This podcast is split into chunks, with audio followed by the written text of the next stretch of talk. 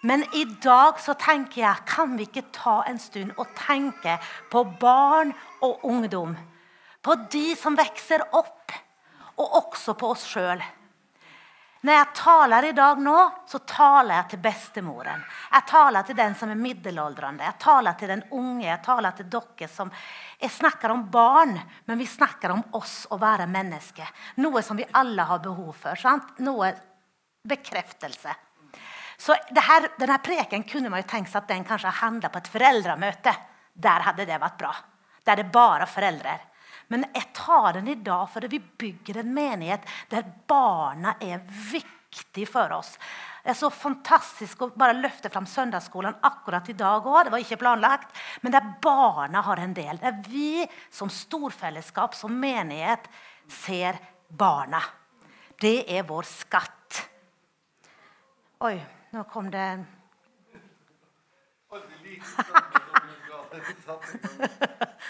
Nå skal vi tilbake, Ellen.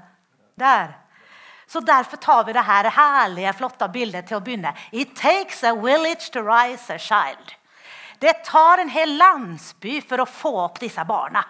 Det tar en hel menighet, det tar deg og meg. Så nå er vi inkludert alle sammen. Og jeg har bare lyst til å spørre ok, Hvem var den siste som fikk et barn? Vi har, ikke, har vi Else her. Hun er her. Hun sitter nede. Else, vi hilser deg med en stor applaus oppe fra salen. Her. Du er den siste som fødte et barn iblant oss. Hurra for Elsa og Erland. Hvem er den siste som ble besteforelder her? De drev og dytta på Eva og Ove her. Kanskje det er Eva og Ove blant oss som blir de siste besteforeldrene her. Sant? Og hvem er det som har blitt oldemor? i det siste. Men altså, det her handler om en hel familie. Det handler om storfamilien. Det er virkelig et oppdrag gitt av Gud å lede barn i livslang etterfølgelse. Så Her står det barnearbeid. Jeg begynner ikke med barna. Jeg vil si at hvordan, Hvor begynte det? Hvor begynte det? Det er tittelen egentlig der. Det begynte med skapelsen. Det begynte med det vi lytta til. Gud skapte mennesket i sitt bilde. Han skapte han til mann og kvinne, og de skulle være rammen for en familie. Så barnearbeid eller alt det vi gjør, det går helt tilbake til utgangspunktet. Hva var det tenkt? Det var tenkt at der skulle barn vokse opp trygt Mor og far skulle være et bilde på Gud. Hans trofasthet, hans kjærlighet, og det skulle være en trygg plass å vokse opp på. Og Det er det som gjør så vondt når vi tenker på vår tid. Er det en trygg plass å vokse opp? Er det trygt for barna i dette hjemmet? Er det trygt for min fysiske helse, for min psykiske helse, for, min, for, mitt, for mitt velbefinnende? Er det god helse? Ta er litt skumle spørsmål, altså. Men det var det det var tenkt. Og bare for å ha sagt det, Nå er det veldig mange sånne slider, og jeg kommer å gå fort. For det her kunne vært en hel ettermiddag, men nå skal jeg gjøre det her på 30 minutter. Så nå må ni ta og unnskylde meg, for jeg kunne ikke plukke bort en del slider. For jeg tenkte sånn at noe taler til deg, og noe taler til deg, og noe taler til deg. Så det var vanskelig å plukke bort. Men hvis dere bare husker tre ting, da, og så vil jeg stå på døren utenfor her og spørre dere når de går ut, hva de tre tingene var. Sant? Nei, vi, kan, vi tar bort den. Men gjenfortell de tre ting. Gjenfortell denne preken til noen rundt deg. Fortell! Da kanskje det blir sittende litt i oss. Så even om det er mye i dag, så ta imot noen gullkorn som er til deg.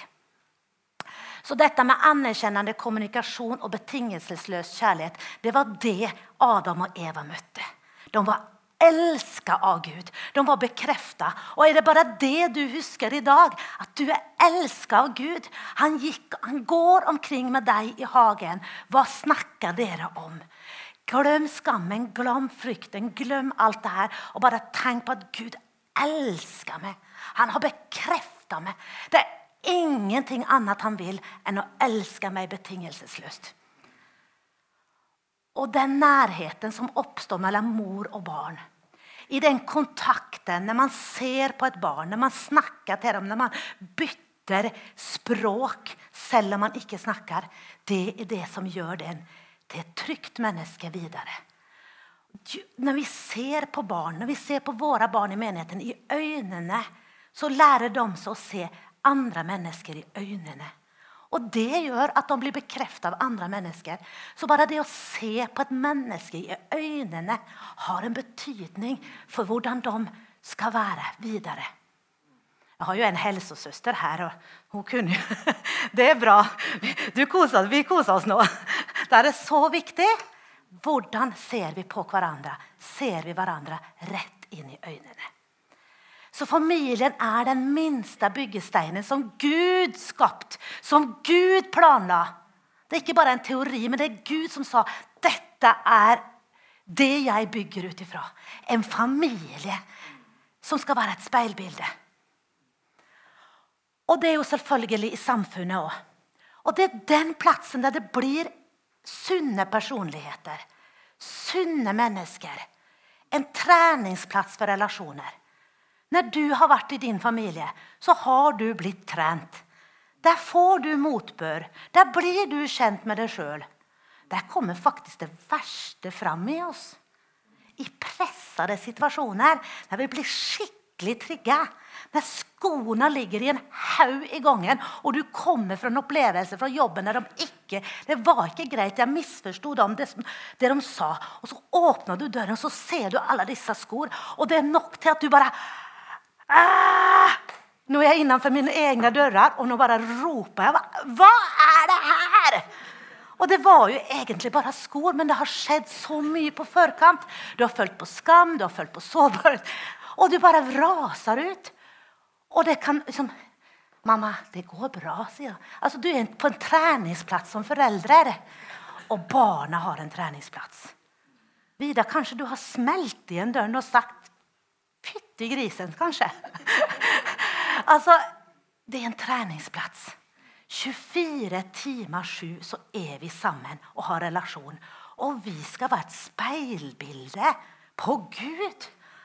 Ja, dette er litt av en oppgave som vi trenger å holde oss fast i bordet. Tja Kommer det noe, eller? Og det er, det er der jeg får min identitet bekrefta. Hvem er jeg? Hvorfor er jeg skapt? Hvem er Gud? Hvem er Jesus? Hvem er mine medmennesker? All min identitet blir da forma i denne relasjonen med mine nærmeste. Den jeg er, blir forma. Det jeg får oppleve. Derfor er de her småtingene vi gjør, også så viktige i en familie. Iblant kan vi tenke ja, men høytider og rutin, tradisjoner og sånt, Er det så viktige greier, da? Jo, jeg tror det er viktig med gjentakelse av ting vi som familie gjør. I vår familie så går vi i kirka. Vi, vi gjør forskjellige vaner, vi har forskjellige ting. Vi, setter, vi, vi stjeler ikke. Vi, vi, tar ikke en boll i, i grøftekanten, for den er ikke min. Altså det er alle disse tingene som vi bygger inn som en familiekultur. Det gjør at vi har en tilhørighet. Så vi ser ikke ned på tradisjoner, om det er den der vaflen da på søndag ettermiddag eller tacoen. Det er en tradisjon, det er noe småtteri, men det, det bygger en sånn minnebank. Slik var det hos meg. Vi dro på fjellet, vi. Vi vaska hver torsdag, vi. Det er vaskedagen. Ja, kanskje de tar med seg det.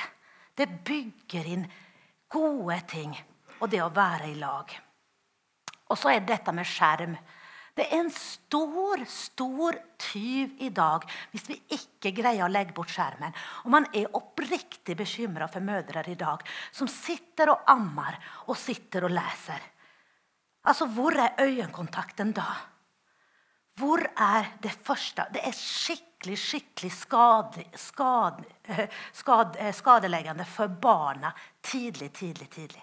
Men hvordan skjer det med våre tenåringer, da, som sitter i sin egen verden og ikke får familiekulturen, ikke får relasjonene, ikke får være med når storfellesskapet samles? Så når du som bestemor kommer på besøk, da må nå tenåringen komme opp. Tenk hva den har å lære av deg. Har sagt til Benjamin at onkel Ole kjem inn dørene. Da kommer du opp. Så sitter han der liksom, så vil han ned. Hva er det? Det er sånn kraft i det her med skjerm. Men det er ikke bare bra. Vi må få lov å være sammen. Og så er det jo sånn da at i hagen så sa jo Gud Ta for deg av alt det her du ser, men ikke av dette. Det var en tydelig grens. Og jeg tror barn trenger tydelige grenser. Dette og dette og dette er lov, men ikke det her. Derfor tror jeg den romsligheten òg som Gud hadde, den kan vi bære med oss i våre ja, men, barn. Boltra dere her. Alt det her er lov i menigheten. Lov det her, men ikke det her. Det er tydelige grenser. Så det er å være litt sånn romslig tror jeg er godt for barn. Og så er det selvfølgelig det å være delaktig. Det å ha en jobb. Det er så vakkert å se en liten jente eller gutt på fire-fem år som går rundt med vaskekluten og tørker støv. Som er ute og mokker. Det ser jo så koselig ut, de små hanskene man tar på seg når man skal ut i hagearbeid. Sånn man kjøper en rake og sånn. Det er jo så viktige ting. Eller en ordentlig rake. Sant? For da er jeg jo med. Jeg får en identitet. Dette er min, mitt hjem, min gard, min familie. Her trengs alle. Og Sånn er det jo menighet òg. Her trengs alle. Får vi delaktighet, så får vi eierskap. Sånn er det. Så det betyr noe for vår, for vår følelse. Og Dette er da mitt hovedbibelord. Jeg synes Det er helt fantastisk bibelord. Tenk at det står om dette! Det står så tydelig oppskrift i Guds ord. Jeg syns det er så praktisk. På det å gjøre etterfølgere. Ta deg nå i vare og vokt deg. Dette er vår oppgave. Vi må passe på oss. Så du ikke glemmer det du har sett med egne øyne. La det aldri gå deg av minne så lenge du lever, men fortell til dine barn og dine barnbarn.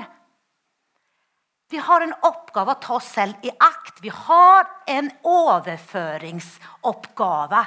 Derfor snakker jeg til deg som bestemor og bestefar og onkel og tante. Vi har en overføringsoppgave. Hvordan gjør du den overføringsoppgaven?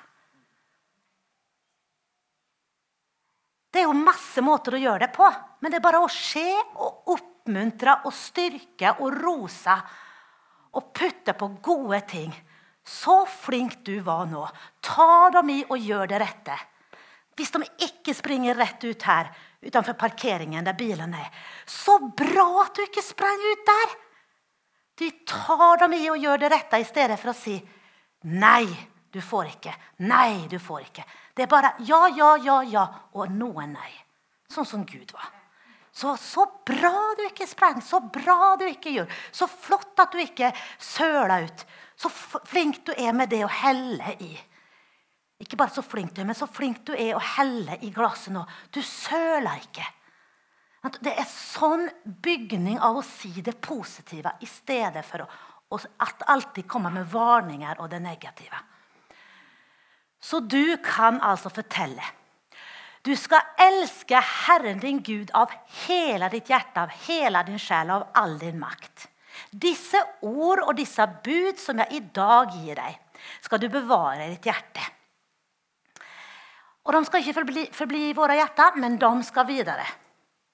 Du skal gjenta dem. Du skal gjenta denne preken for noen. Du skal gjenta dem for dine barn. Og du skal tale om dem når du sitter hjemme 24-7. Når du går på veien, til butikken, til menigheten, når du sitter i bilen, når du legger deg, og når du står opp. Du skal binde dem om, om hånden som et tegn og ha dem på panna som et merke. Og du skal skrive dem på dørstolpene i huset ditt og på portene dine.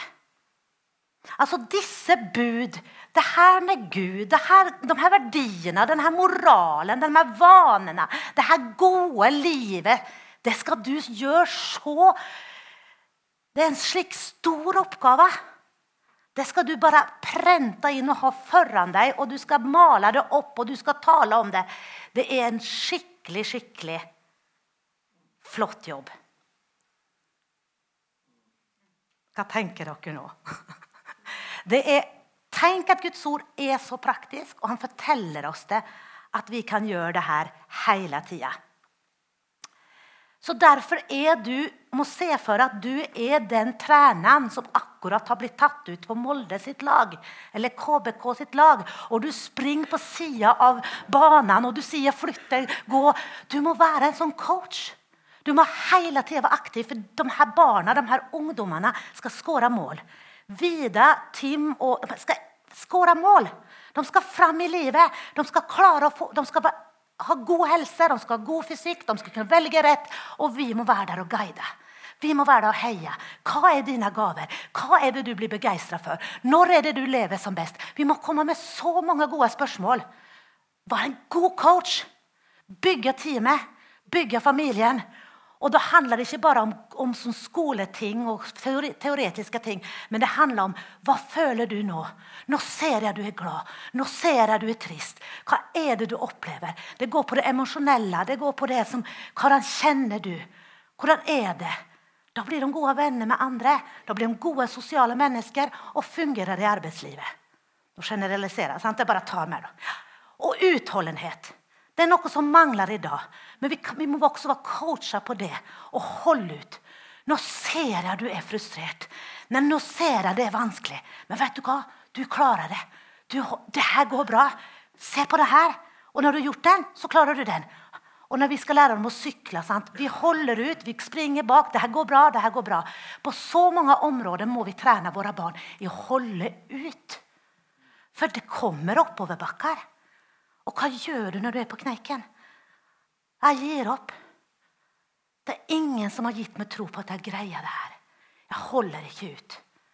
Så det her med utholdenhet er en sånn ting som man virkelig trenger å, å styrke barns karakter i.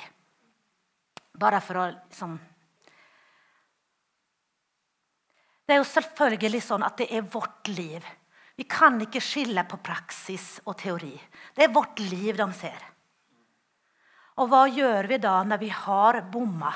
Når vi har vræla ut om de skoene der? Da kan vi gå tilbake til barna og si det. Lære dem at vet du hva? Jeg ble så frustrert på det som skjedde før jeg kom hjem. Jeg var på jobben, og jeg syntes ikke det var kjekt.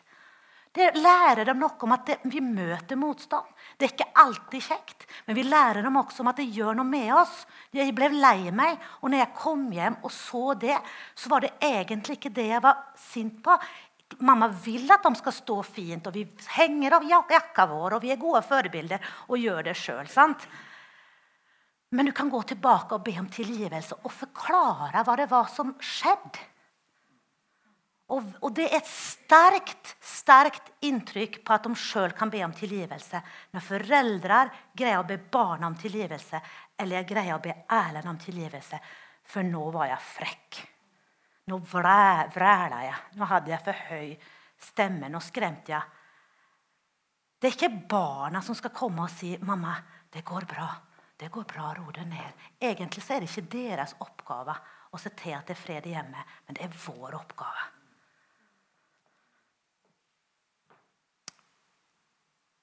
Og det å lene seg inn mot barn og få tid til hvert enkelt barn. Og da er det det her med å fylle på i gode tider.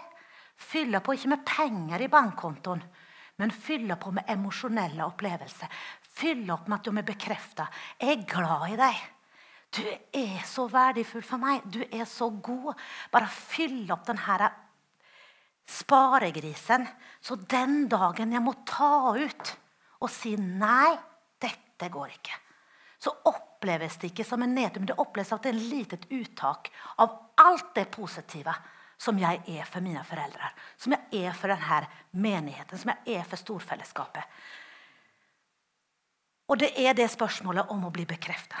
Er noen glad i meg? Det er det som er hele grunntonen i et barn sitt liv, i våra sitt liv. Er det noen her som er glad i meg?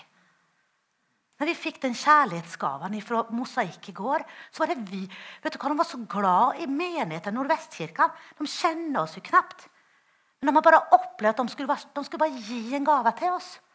Det var en skikkelig bekreftelse til oss, altså. Og det er det vi søker. Er noen glad i meg? Det er kanskje et dumt eksempel. da. Vi søkte jo ikke det, men, men det er godt å få den bekreftelsen. Og er det fortsatt noen som er glad i meg? Det slutta ikke. Johannes han er ungdom. Han trenger fortsatt å få oppleve det. Du og jeg trenger å få oppleve det fra vår familie, fra våre nære. Og hvis vi ikke har en, en familie i kjøtt og blod, så har vi en menighet der vi kan bekrefte hverandre og si 'Jeg er glad i deg'. Du er verdifull. Og det trenger vi hele tida. Så det er mamma og pappa da, som er tryggheten. Og det beste vi kan gjøre, det er å holde sammen. Så det er ikke de her bildene som er bildet vårt. Det er å holde sammen og være sterke forbilder i kjærlighet og trygghet. Det er ikke å slåss og klubbe ned hverandre. Det er ikke å rivalisere og snakke stygt om hverandre. Og hvis vi gjør det, da, så må vi forklare det at vet du hva, det var dumt sagt.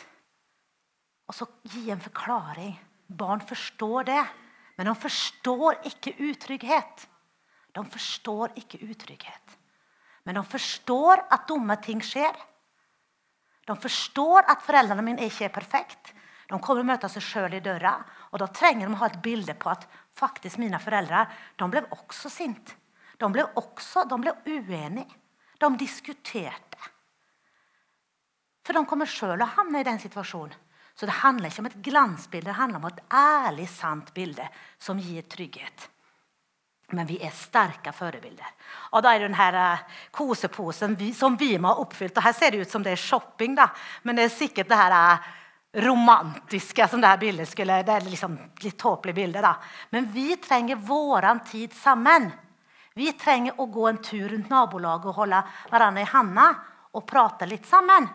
For da bygger vi den store, den gode kontakten mellom oss. Og det å få litt fysisk kontakt og det å få litt nærhet.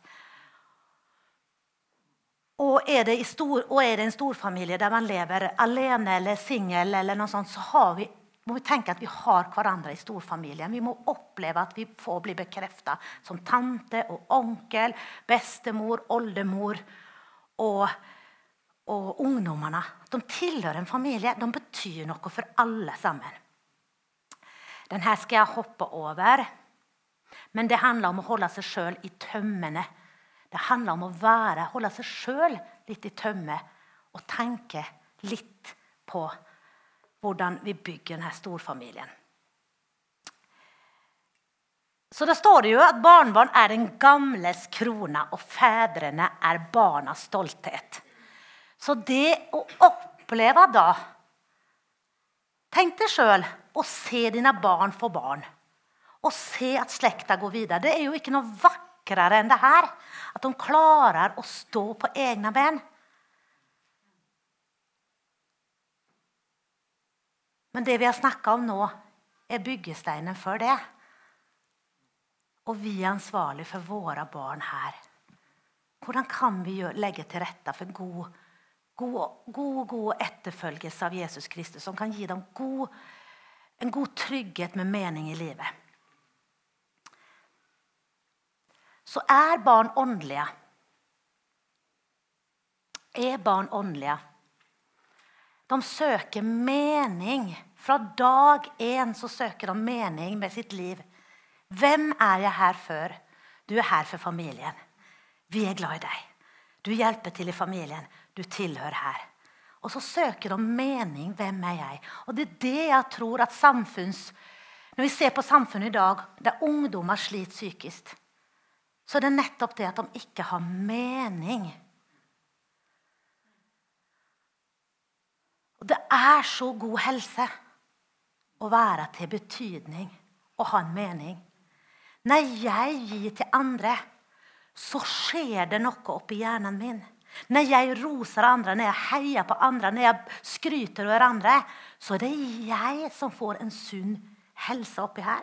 For det skjer så gode koblinger oppi hodet vårt. Det gir så gode hormonfyller. Det er helt bevisa at hvis jeg holder tilbake jeg er hater, jeg, jeg, jeg, vil ikke unne andre, jeg er sjalusi Da skjer det negative ting her. Det skjer negative ting. Jeg kommer inn i en negativ spiral som faktisk kan lede til veldig dårlig psykisk helse. De, ser, de finner ikke noen, noen spesifikk grunn til depresjon. De kan ikke tilføre noe som mangler. Når du har diabetes, så er det insulin som trengs. Når det er depresjon, så er det egentlig sortering og nye ting som skal skje oppi her. Av gode hormonutsøndringer. Og alt det her vi da får av medisiner når det begynner å bli negativt oppi her, depresjoner og dårlig psykisk helse, så får vi ulike medisiner som tuller til det enda mer oppi her. Men det motsatte er at ved å gjøre det gode, ved å legge fra seg bekymringer og ikke stresse på usunt vis, gjør, og det med betydning og mening, og det at jeg gir andre, at jeg har noe som utover meg sjøl, det gir så god psykisk helse. Og det gir så gode signaler. Det bygger hjernen så godt at du får en sunn helse. Det er helt fantastisk. Og Gud har skapt det slik. Gud har gjort det slik. De er veldig mottakelige også for det abstrakte. Det med Jesus, det med Guds rike. Barn er åndelige. Barn er åndelige. De Gud har lagt sine ting nede i et barn. Og Derfor er det fascinerende. Hvis vi snakker med voksne mennesker, så sier de jeg gikk på søndagsskole. Og de der fortellingene Vet du hva, De gikk rett inn. De kan jo fortelle om de fortellingene som voksne. De er så åpne barn for de fortellingene fra Bibelen. Det er det åndelige livet. Og Det er bare å tenke på det at vet du hva, det putter vi mest mulig inn i dem. Vi gir dem de her tingene. Så hva gjør bønn for et barn? Det skaper empati. Det gir omsorg. Det gir plass for andre i mitt liv. Og jeg kan legge ifra meg dårlige opplevelser. Og igjen så gir det god psykisk helse. Er ikke det fantastisk at bønn og snakke med Gud og legge fra seg ting. Og Jeg hørte en forsker, en kristen forsker som sa det. Det beste du kan gjøre før du legger det, det er å be til Gud. Ikke glem å be til Gud. Søvnproblemer det kommer jo av at vi kanskje har opplevd så mye på dagen. Vi har opplevd så mange ting som har kommet imot oss av ting og tang. Og på natten så skal vi prosessere det. Men hvis vi har klart å legge fra oss dagens bekymringer, dagens ting. Hvis vi har klart å bare falle til ro og lagt ting hos Gud og bare tømt hjernen vår, bare falt til ro, så er nattesøvnen bedre. Det er fantastisk å kunne be og legge fra seg ting og snakke med, med Gud om hvordan vi har det. Så jeg sier det at eier du troens gave i din familie, da har du vunnet, altså. Eier troens gave, så gi den videre. Det er et privilegium for de barna som får lov å vokse opp med de verdiene, med den ballasten som troen og tro på Gud og mening med livet gir. Tenk så heldige vi er. Tenk dere som har foreldre og generasjoner som har gått foran med dette. Jeg er første generasjon troende i min familie. Det er, alls, det er, jo ikke alls på samme vis som dere som har opplevd å gå fra generasjon til generasjon. Det er jo et savn for meg. Jeg har ikke noen som har snakket om Gud. Men, det er jo, men selvfølgelig så det masse nåde når man blir frelst og man får ting gitt til seg. Gud ser jo til, til våre hjerter og gir oss masse visdom og kunnskap. Men det å få vokse opp med dette her, å få lov å gå hele veien i livslang etterfølgelse, det er det Gud vil. Han vil ikke ha noen brudd, at du skal må ut i verden og så må du finne på en livslang etterfølgelse. Det er det som er hans tanke. Så menigheten og kirka, hjem og kirke hører sammen. Og vi feirer sammen i storfamilien. Og vårt fellesskap må selvfølgelig inkludere barna. da. Og det er da knytta et løfte til det. Den som tar imot meg, et, et slikt lite barn i mitt navn, tar imot meg. Så det er et løfte knytta til det fra Jesus selv. At han skal, bli tatt, han skal være til stede. Han skal bli tatt imot når vi tar imot et barn. Vet du, Gud, Jesus ser på barna. Han har skjønt det her. Så er det, er det greit? Er det greit, besteforeldre, onkler og tanter? Og dette er jo et veldig sterkt ord på etterfølgelse i hele generasjonene. Men du har fulgt meg i lære og livsførsel, i holdning, i tro, i tålmodighet, i kjærlighet, i utholdenhet. Men du skal holde fast på det du har lært, og det du har blitt overbevist om. Du vet jo hvem du har lært det ifra. Mamma og pappa, menigheten, søndagsskolen, alle sammen. På samme akkord. Helt fra du var et litet barn, har du kjent de hellige skriftene. De som kan gi deg visdom til frelse ved troen på Kristus Jesus. Så den visdommen, det bildet vi gir av Gud, kan gi dem frelse. Det er det alle ønsker. Å, mine barn må få bli frelst. Men alt det vi har gjort Vanlige ting, vaner, tradisjoner og det at vi har sittet ned og lært om Guds ord. Alt i en pakke. Hver bok i Skriften er innblåst av Gud og nyttig. Det står det! Nyttig til opplæring, tilrettevisning, veiledning, oppdragelse i rett liv. I rettferd, står det. Så det mennesket som tilhører Gud, kan være fullt utrusta til all god gjerning. Til å lykkes i livet. Er ikke dette praktisk? Er ikke dette anvendbart? Er det ikke sånn vi ønsker å leve våre hverdagsliv? I dag er det skikkelig praktisk undervisning. Er det helt greit at ni har med det her? Og da er det Våre barn er våre etterfølgere. Og din gudsfrykt den skal arves. Din gudsfrykt er den rikeste arven du kan gi. Det er ikke pengene. Det er den, det åndelige livet ditt. De skal bo i de husene vi bor i nå. De eldre har begynt å tenke på det. At livet tar slutt. Hva skjer videre? De skal bo i de husene vi nå bor i. De skal drive de fabrikkene og de næringene vi driver nå. De skal pløye den åkeren vi pløyer. Og de skal sitte i de embeten som vi innehar, og passe på statens angeliggenhet som noen i dag steller med. Det er et kjempeperspektiv. Hvem er ministre i Norges regjering om 20 år? Har du pekt ut noen? Skal vi oppdra noen? skal vi si til noen du kan regjere. Du kan sitte der. Dette er et litet land. Det er fullt mulig. Hva betyr det for barna våre ungdommene våre at vi ser på dem på dette viset? Du kan bety noe. Dette er siste sliden. Det er jo Sveriges riksdag. Det er jo lenge siden jeg laga den her. og Den er jo kanskje toppaktuelt i dag, da. men det, det er teksten som er viktig. Våre barn er derfor vår største interesse. Ikke vårt arbeid og ikke vårt embete. Nei, det er våre barn. På dem bør vi ofre vår meste tid og vår største omsorg.